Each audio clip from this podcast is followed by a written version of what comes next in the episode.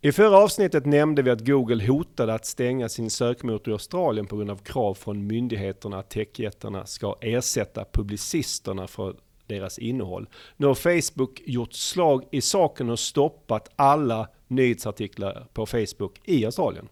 En eh, ganska drastisk åtgärd. Ja, jag läste att eh, nyhetssajterna i Australien tappat 20% av sin trafik.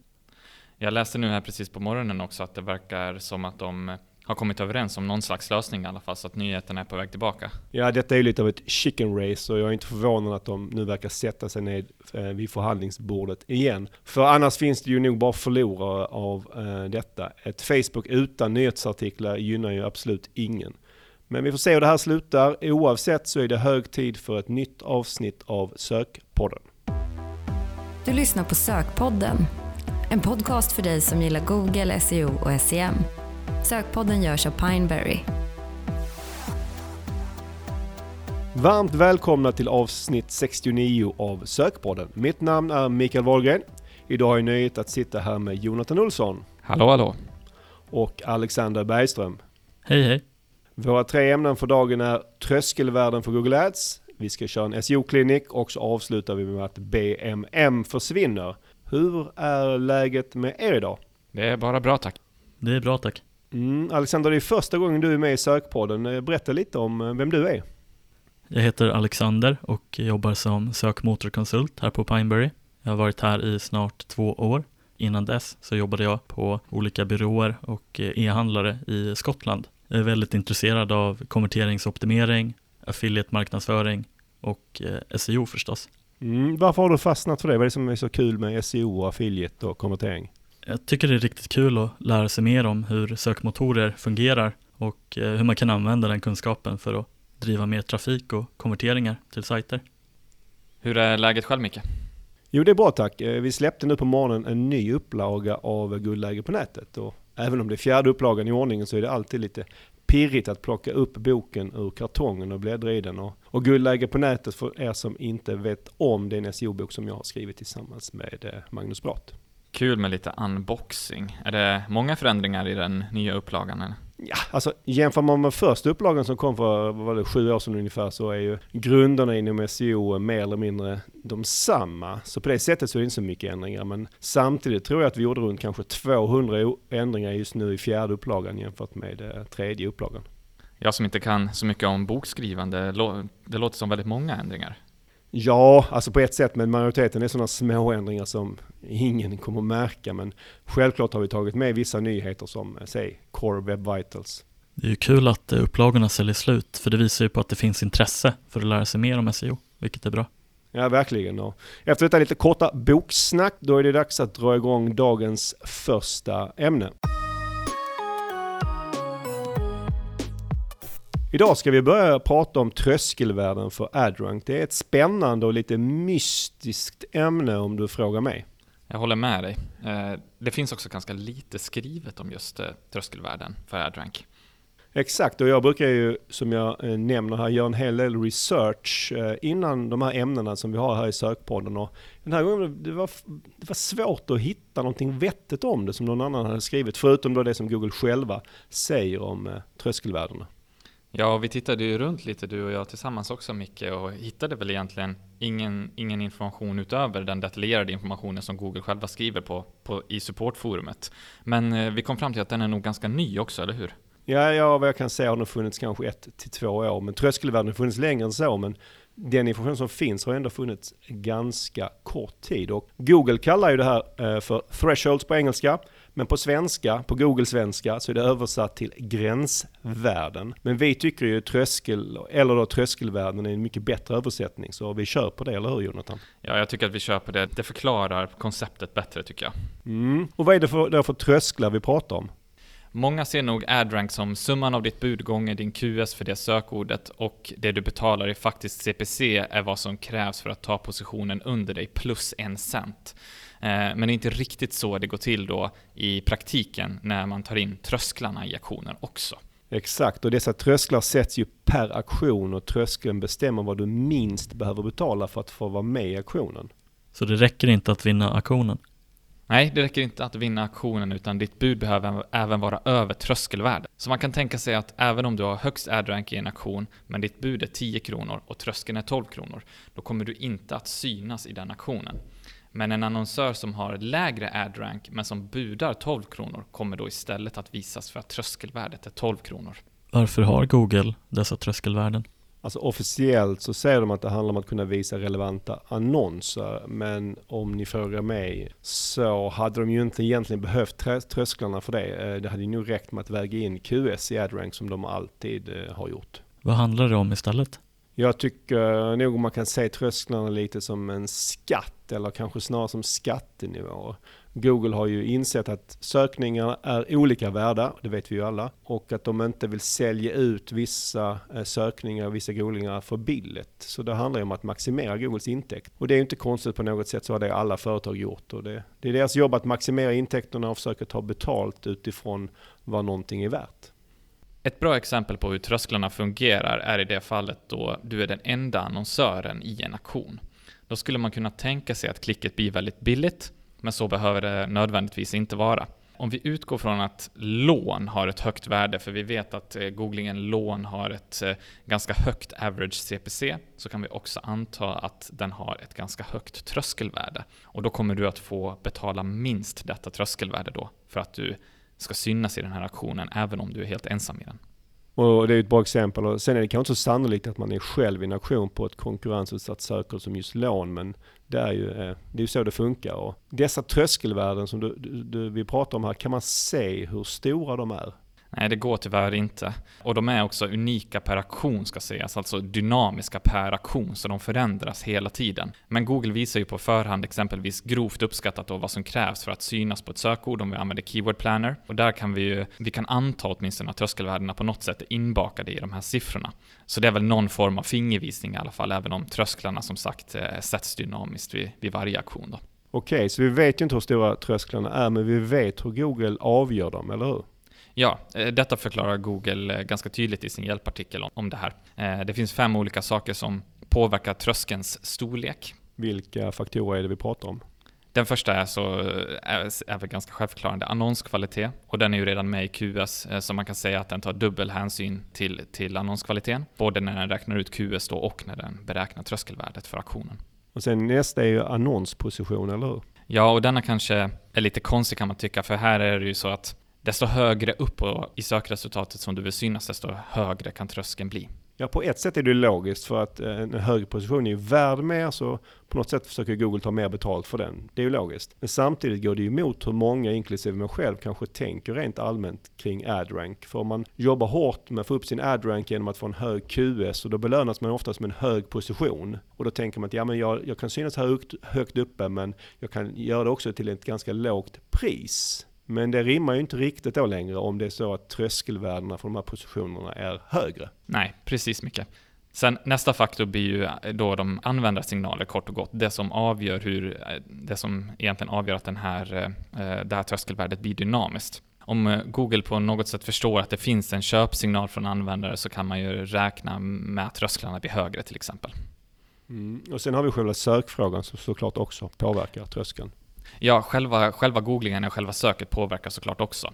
Exemplet som Google själva använder, man kan tycka vad, vad man vill om de här exemplen på Googles supportforum, men det som de använder sig av, av som exempel är att bröllopsrelaterade sökningar kan vara annorlunda i jämförelse med korgflätningslektioner. Men... Det låter ju ganska rimligt. Mm, man kan ju undra hur många som googlar på korgflätningslektioner, men det är, det är en annan femma. Eh, det var fyra faktorer om jag har räknat rätt, då har vi en kvar. Ja, och den sista är relaterade aktioner. Att en sökning på exempelvis fordonsförsäkring kan ärva sitt tröskelvärde eller påverkas av sökningar som har med bilförsäkring eller andra, andra försäkringar kring, kring fordon generellt. Mm. Och som jag nämnde initialt, alltså tycker jag det här med trösklar är lite spännande och mystiskt. Men vad är konsekvensen av det kan man undra. Spelar det någon roll för eh, dig som annonsör, det här med tröskelvärden? Ja, vi pratade om det här tidigare i veckan också mycket. Jag tycker att det är en bra fråga, för roll spelar det ju. Men frågan är om det finns någon konsekvens av det. Det påverkar ju såklart ditt faktiska CPC och det är såklart viktigt att veta hur själva aktionen fungerar. Sen kan man ju inte riktigt göra så mycket åt tröskelvärdena. Du kan inte buda annorlunda för att undvika dem eller använda någon annan budstrategi eller så. Så teoretiskt skulle man kunna försöka identifiera sökord som har väldigt låga tröskelvärden. Men det är väl också väldigt svårt eftersom att det är lite black box och lite mystiskt generellt kring det här att hitta dem, hitta de sökningarna helt enkelt. En sak jag har funderat på en liten detalj kring det här är ju att som eh, när jag kör vårt eget Google Ads-konto är när vi kör DSA där. För då syns vi ibland på high-end sökord som egentligen inte är DSA-kampanjen, det är inte egentligen det som är syftet med den. Eh, och då syns vi då på high-end sökord, alltså dyra konkurrensutsatta sökord som vi även har i andra kampanjer. Och då kan vi ta ordet SEO som exempel. Och i en vanlig sökkampanj så betalar vi ungefär 50 kronor klicket för den sökningen medan i DSA-kampanjen betalar vi bara 15 kronor. Och det beror såklart på att vi budar skyddar olika i de här olika kampanjerna. Men det jag också lite funderar på är om trösklarna skulle kunna spela roll här. För vår position är ju betydligt högre i vår vanliga kampanj än i DSA-kampanjen. Och frågan är, tror du att det skulle kunna förklara den här stora skillnaden? Kan det vara så att DSA har liksom sina egna tröskelvärden på något sätt? Ja, det är en väldigt intressant vinkel, Micke. Google har inte själva sagt, eller det finns ingenting att läsa som säger att DSA skulle ha egna tröskelvärden. Eh, det finns ju en viss logik i, i, det i form av att en annonsör generellt värdesätter DSA-trafik lägre än vanlig söktrafik. Men samtidigt eh, så skulle jag säga att skillnaderna här kan bero på annonsposition som du nämner eller något helt annat. Eh, det är som sagt väldigt svårt att sätta fingret på vad exakt det är. Mm, så är det verkligen. Och med det så lämnar vi trösklar och AdRank för idag och går raskt vidare till nästa ämne. Då ska vi göra vår sjunde SEO-klinik. Senast var i september eh, förra året. Kul! SEO-klinik är ju ett av våra mest populära ämnen. Ja, och i en klinik kollar vi på våra lyssnares sajter. När jag frågade efter sajter som ville vara med på LinkedIn här i förra veckan så fick vi in många som var sugna. Och av dessa så har vi valt ut tre stycken som är med här idag. Hur har vi valt ut de här, Alexander? Vi har försökt välja ut lite olika typer av sajter så att det blir så intressant som möjligt för er lyssnare. Men vi har såklart även valt ut sajter som av olika anledningar eh, har varit lite extra roliga att analysera. Ja, och vi kan redan nu här eh, avslöja att idag så har vi valt ut en bank, en e-handlare och en skola bland de olika sajter som då har anmält intresse. Ja, och det blev ju en riktigt bra blandning. Eh, tusen tack till alla er som har hört av er att eh, ni vill vara med i vår, våra clinics. Och det kom in så pass många bra förslag denna gång att vi har bestämt oss att vi kommer köra en ny klinik ganska snart igen. Så om ni inte kom med denna gång så kommer ni kanske med eh, nästa gång. Och även om det är sjunde gången vi kör en klinik här i sökpodden så kanske vi ändå lite, lite kort ska gå igenom vad är det vi gör när vi tittar på sajten. Hur gör vi vår analys, Alexander?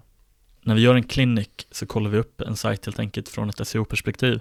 Vi försöker hitta de eh, möjligheter och den förbättringspotential som finns och eh, även identifiera olika former av problem. Så att det blir som en mini-analys kan man säga. Och eh, det är viktigt att lyfta fram också att vi har ju bara lagt ner en relativt kort stund per person och sajt, så att det finns garanterat fler saker att hitta än eh, det som vi lyfter fram här idag.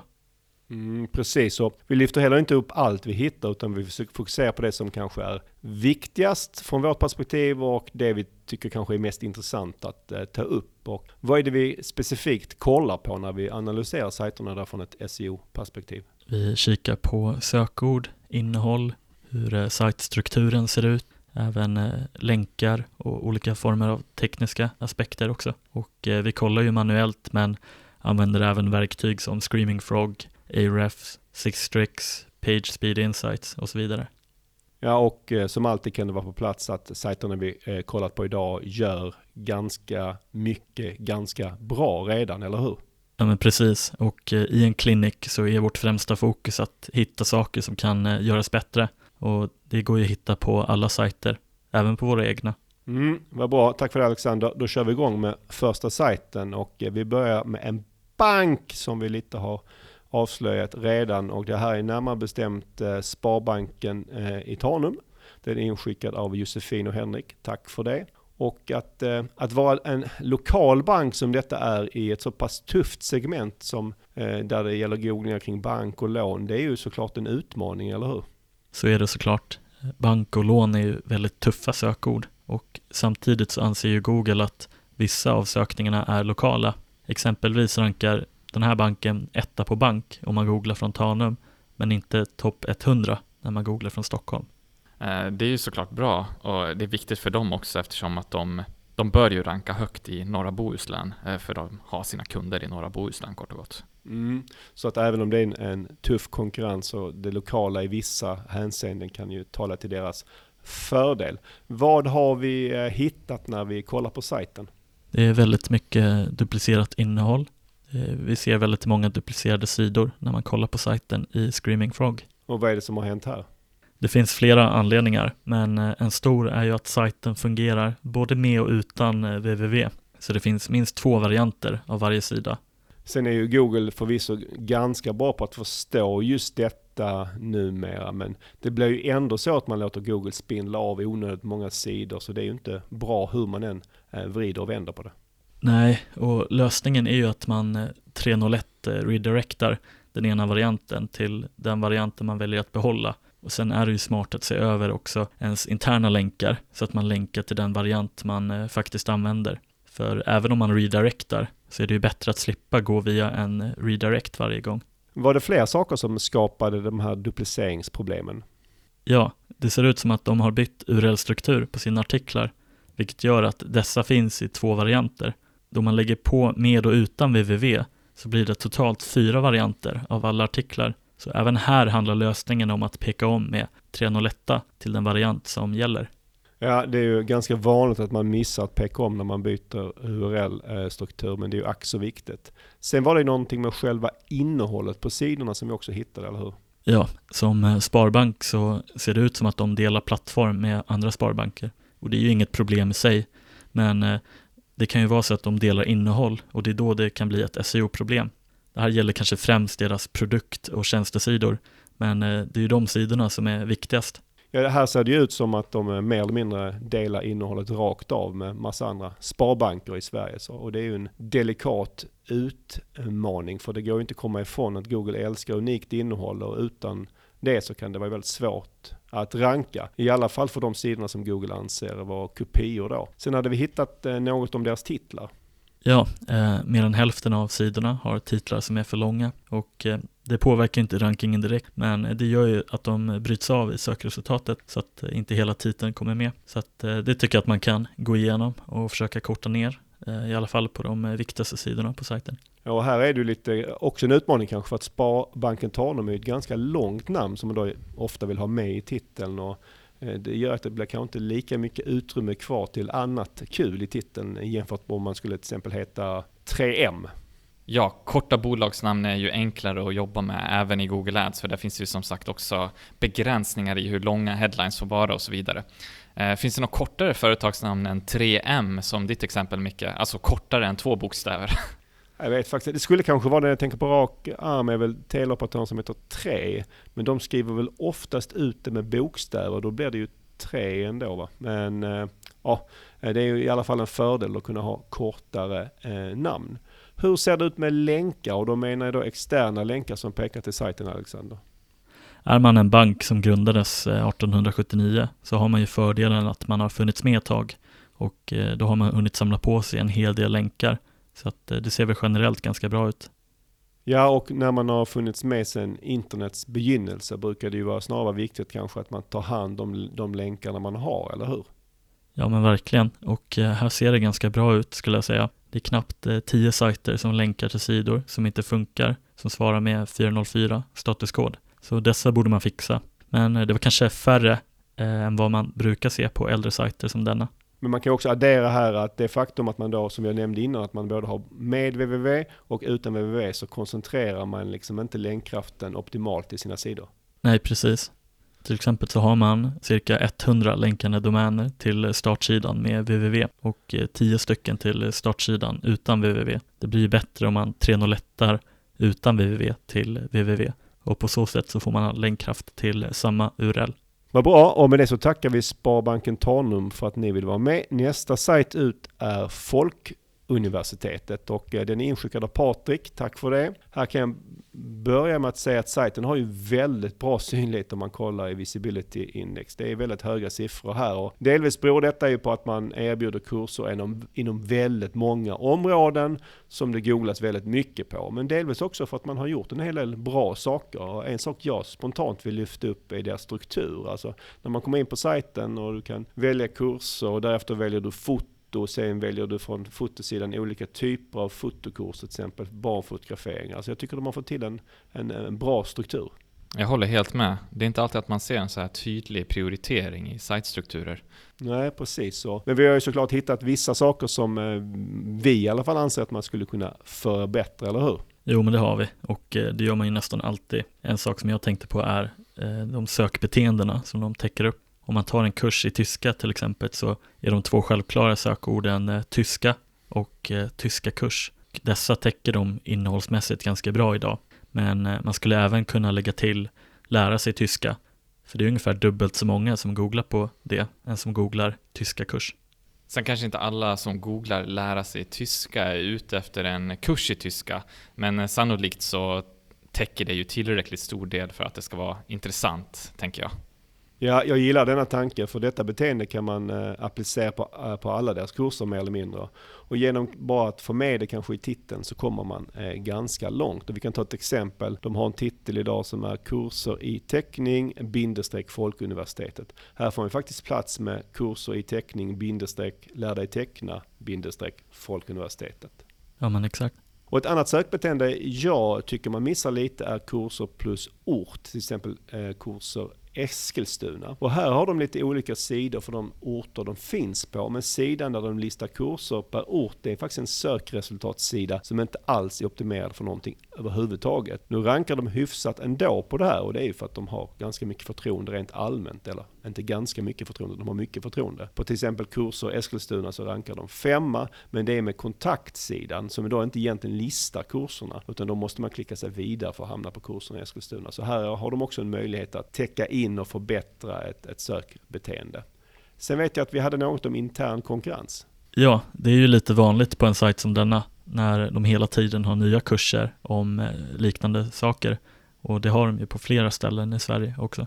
Mm, ja, när jag gjorde en sajtsökning på Google så, eh, så såg jag att det just då fanns 154 sidor på sajten som hade ordet täckning i titeln. Precis, men jag tycker att de hanterar det ganska väl. De har en bra struktur på sajten som vi redan nämnt. Dels gör det tydligt vilka som är de viktigaste sidorna. Dels har även breadcrumbs eh, underlättat. Men eh, det är ingen tvekan om att det är en stor utmaning. Både att de skapar intern konkurrens men också att de skapar duplicerat innehåll för en kurs som eh, hålls vid flera tillfällen och delar innehåll. Mm. Jag har jobbat med en eh, kund eh, som hade liknande utmaningar. Det var ingen skola, men det var liknande utmaningar i den formen att de hade event som hölls vid flera olika tillfällen. Samma event då. Och där löste de det tillsammans med oss så att de specifika eventtillfällena i, i Folkuniversitetets fall, i de, de specifika kurstillfällena, de hade inte egna URLer utan de listades eh, bara på huvudsidan för kursen så man kunde använda sig direkt där. Sen vet jag att detta kanske har nackdelar och det kan vara tekniskt svårt att lösa men det var så vi löste ett av problemen då för att undvika både intern konkurrens och undvika duplicering. Jo, men det är en eh, bättre lösning eh, SEO-mässigt ska jag säga. Mm. Och hur är det med innehåll generellt på sajten? Det ser väl okej okay ut. Sen eh, gynnas ju nästan alla av att ha mer innehåll. Kollar man i Screaming Frog så har folkuniversitetet.se runt eh, 20 000 sidor. Så att eh, det är såklart en utmaning att ha mycket och unikt innehåll överallt. Men ett ställe där jag tycker man kunde satsat lite mer på innehåll är huvudsidan för varje kursområde. Exempelvis sidan för tyska. Den sidan har en viss brödtext idag, knappt 100 ord, men man skulle kunna ha mycket mer relevant innehåll på den sidan vilket gör så att man kan ranka bättre och eh, fånga upp fler relaterade sökord. Ja, om man översätter den typen av sida då till, till en e-handel så blir det ju en form av kategorisida. Eh, om det är några sidor som man vill satsa extra på så är det ju såklart dem, tänker jag. Mm, precis så. Hur ser det ut med Folkuniversitetets eh, länkprofil, Alexander? Den är som väntat väldigt stark. En stor skola, eller kanske en institution snarare, som Folkuniversitetet De har ju många bra och fina länkar till eh, sajten. De har mer än 3500 länkande domäner idag. Finns, eh, vi pratade lite om det på Sparbanken Tanum, men finns det här mycket länkar att återvinna? Ja, väldigt mycket. De har cirka 200 ureller som svarar med statuskod 404 och som har eh, två eller fler länkande domäner som pekar till sig. Så det finns mycket länkkraft att återvinna faktiskt.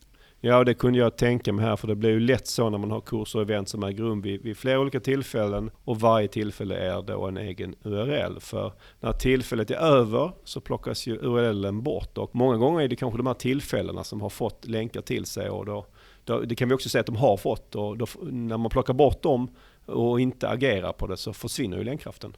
Precis, och som vi nämnde tidigare så är det kanske bäst att eh, undvika egna URLer för varje kurstillfälle.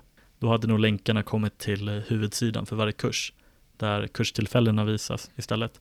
Men eh, om man har en egen URL för varje kurstillfälle behöver man ha en automatisk 301 redirect när kurstillfället och URLen plockas bort. Så att en specifik kurs i tyska pekar om till huvudsidan för tyska. Då tar man hand om den så att värdefulla länkkraften eh, eh, finns kvar helt enkelt. Mm, bra tips Alexander. Med det så lämnar vi Folkuniversitetet för idag och går vidare till eh, den här SEO-klinikens sista sajt. Och denna sajt är en e-handel som heter Nice of Sweden som säljer eh, japanska saker. Den är inskickad av Anna-Karin och hon eh, skrev eh, så här. Eftersom jag uppmuntrar alla mina studenter att lyssna på sökpodden vore det spännande att vara transparent och få min sajt analyserad. Kul att hon tipsar om sökpodden. Ja, det ta tackar vi för. Vad är det vi har hittat här, Alexander? Det är ju en väldigt eh, nischad e-handel och då blir det viktigt att man hittar sina nischade sökord också. I det här fallet så handlar det mycket om att lägga till japanska eller Japan till ens produkter. Och det har man gjort ganska bra på den här sajten idag, men eh, inte överallt kanske. Det finns till exempel en eh, sida optimerad för eh, japansk textil och det är ju bra. Men sidan för handdukar är optimerad för handdukar när den kanske borde vara optimerad mot japanska handdukar istället. Precis, att konkurrera på handdukar det är ju tufft och de flesta som googlar på handdukar är kanske inte ute efter eh, just japanska handdukar. Men när man är så här nischad så är det ju förhållandevis små sökord man jobbar med generellt sett. Hur kan man komma runt eh, det problemet och öka trafiken ändå? Jättebra fråga och eh, det blir förstås en utmaning. Ett sätt är att skapa innehåll runt omkring och inte bara kring produkterna utan mer omkring Japan och japansk kultur i stort. Anna-Karin har gjort det här genom att ha en blogg med inspirationsinnehåll kring Japan. Och det här är bra, men eh, här kan man ju i princip eh, utöka hur mycket som helst. Har du hittat någonting annat kring eh, innehållet Alexander? Ja, en sak som jag tänkte på är att precis som Sparbanken i Tanum så har de en stor del titlar som är för långa och det är ungefär en fjärdedel som bryts. Och i detta fall finns det nog en enkel lösning.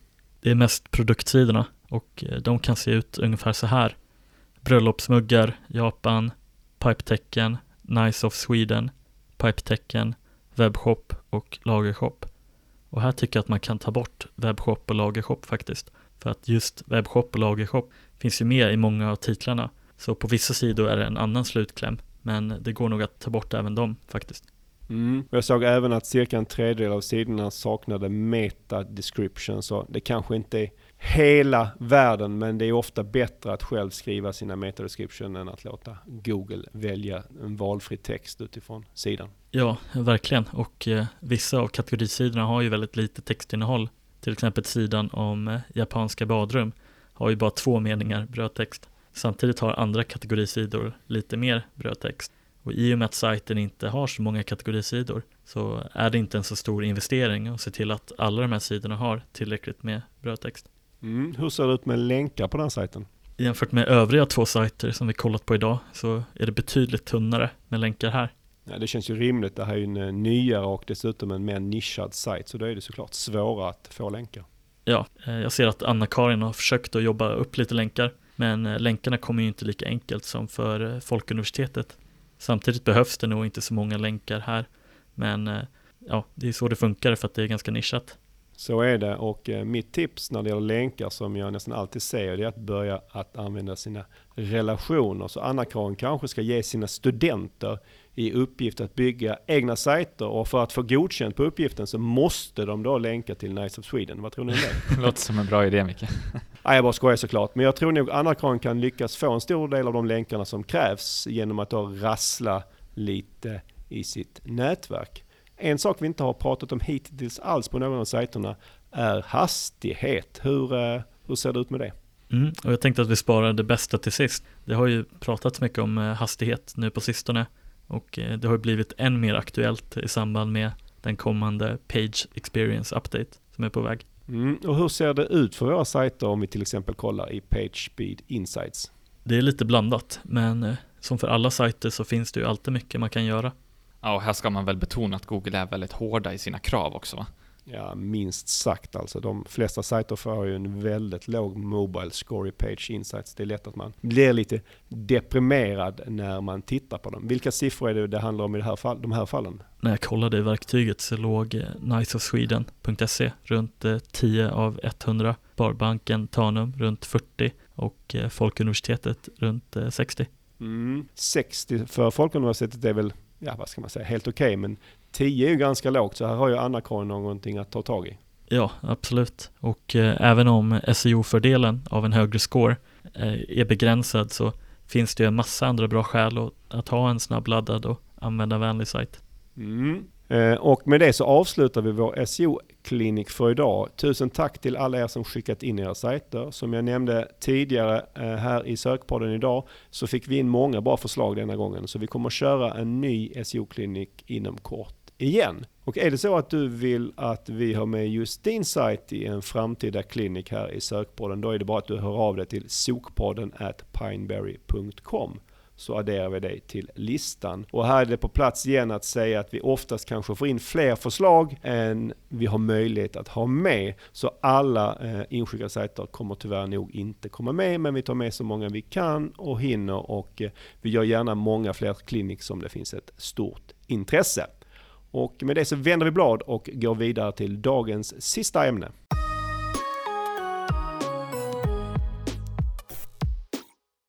Så, eh, nu är det dags för lite mer Google Ads när vi ska prata om att matchtypen BMM, Broad Match Modifier, kommer att försvinna. Det är väl lite vemodigt, eller hur?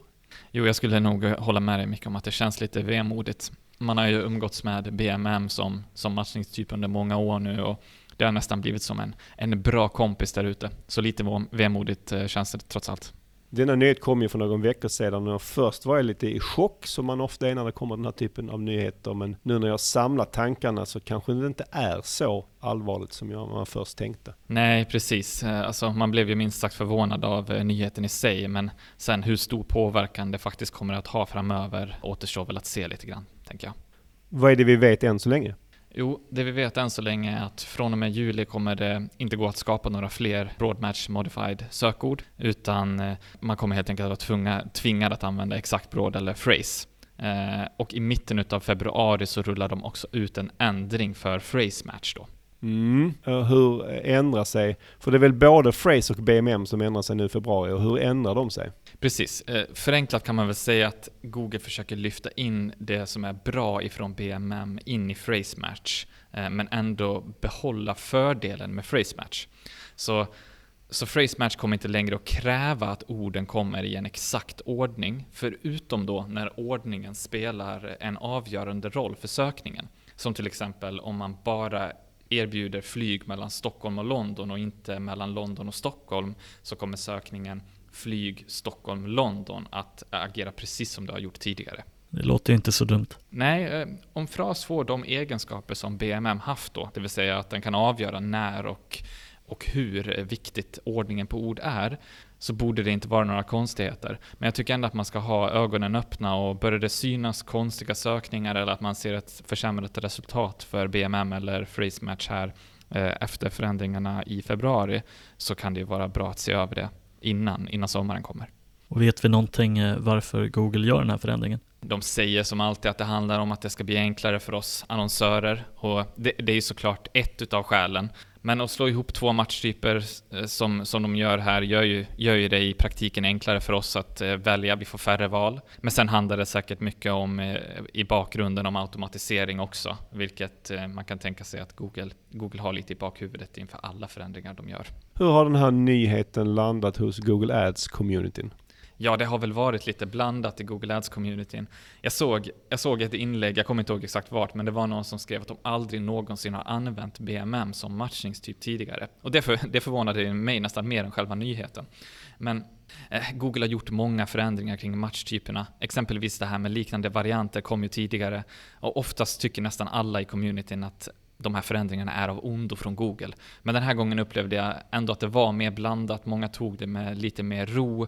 Eh, vissa tycker såklart att det är sämre och vissa tycker att det är bättre, men jag kände ändå att det fanns en, en ganska spridd skur av åsikter i, i communityn.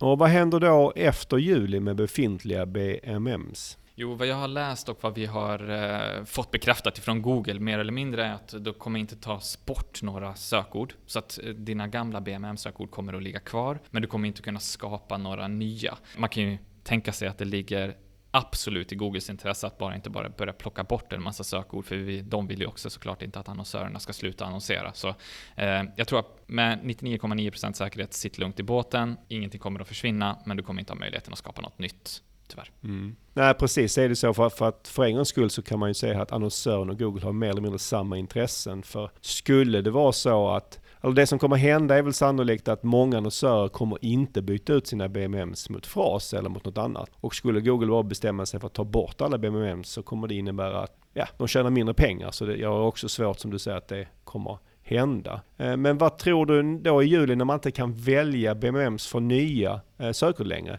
Vilken typ väljer man då istället? Det mest sannolika, och om Google lever upp till, till sitt ord och sina löften, så är det, det naturliga att man byter ut BMM mot, mot fras för nya sökord. Men det beror såklart på hur, hur fras beter sig nu efter den här förändringen. Om fras inte presterar tillräckligt bra så kan man ju istället tänka sig att man kommer att använda exakt match i större grad eller alternativt eller i kombination med automatiserade budstrategier till och med gå över till, till breda sökord.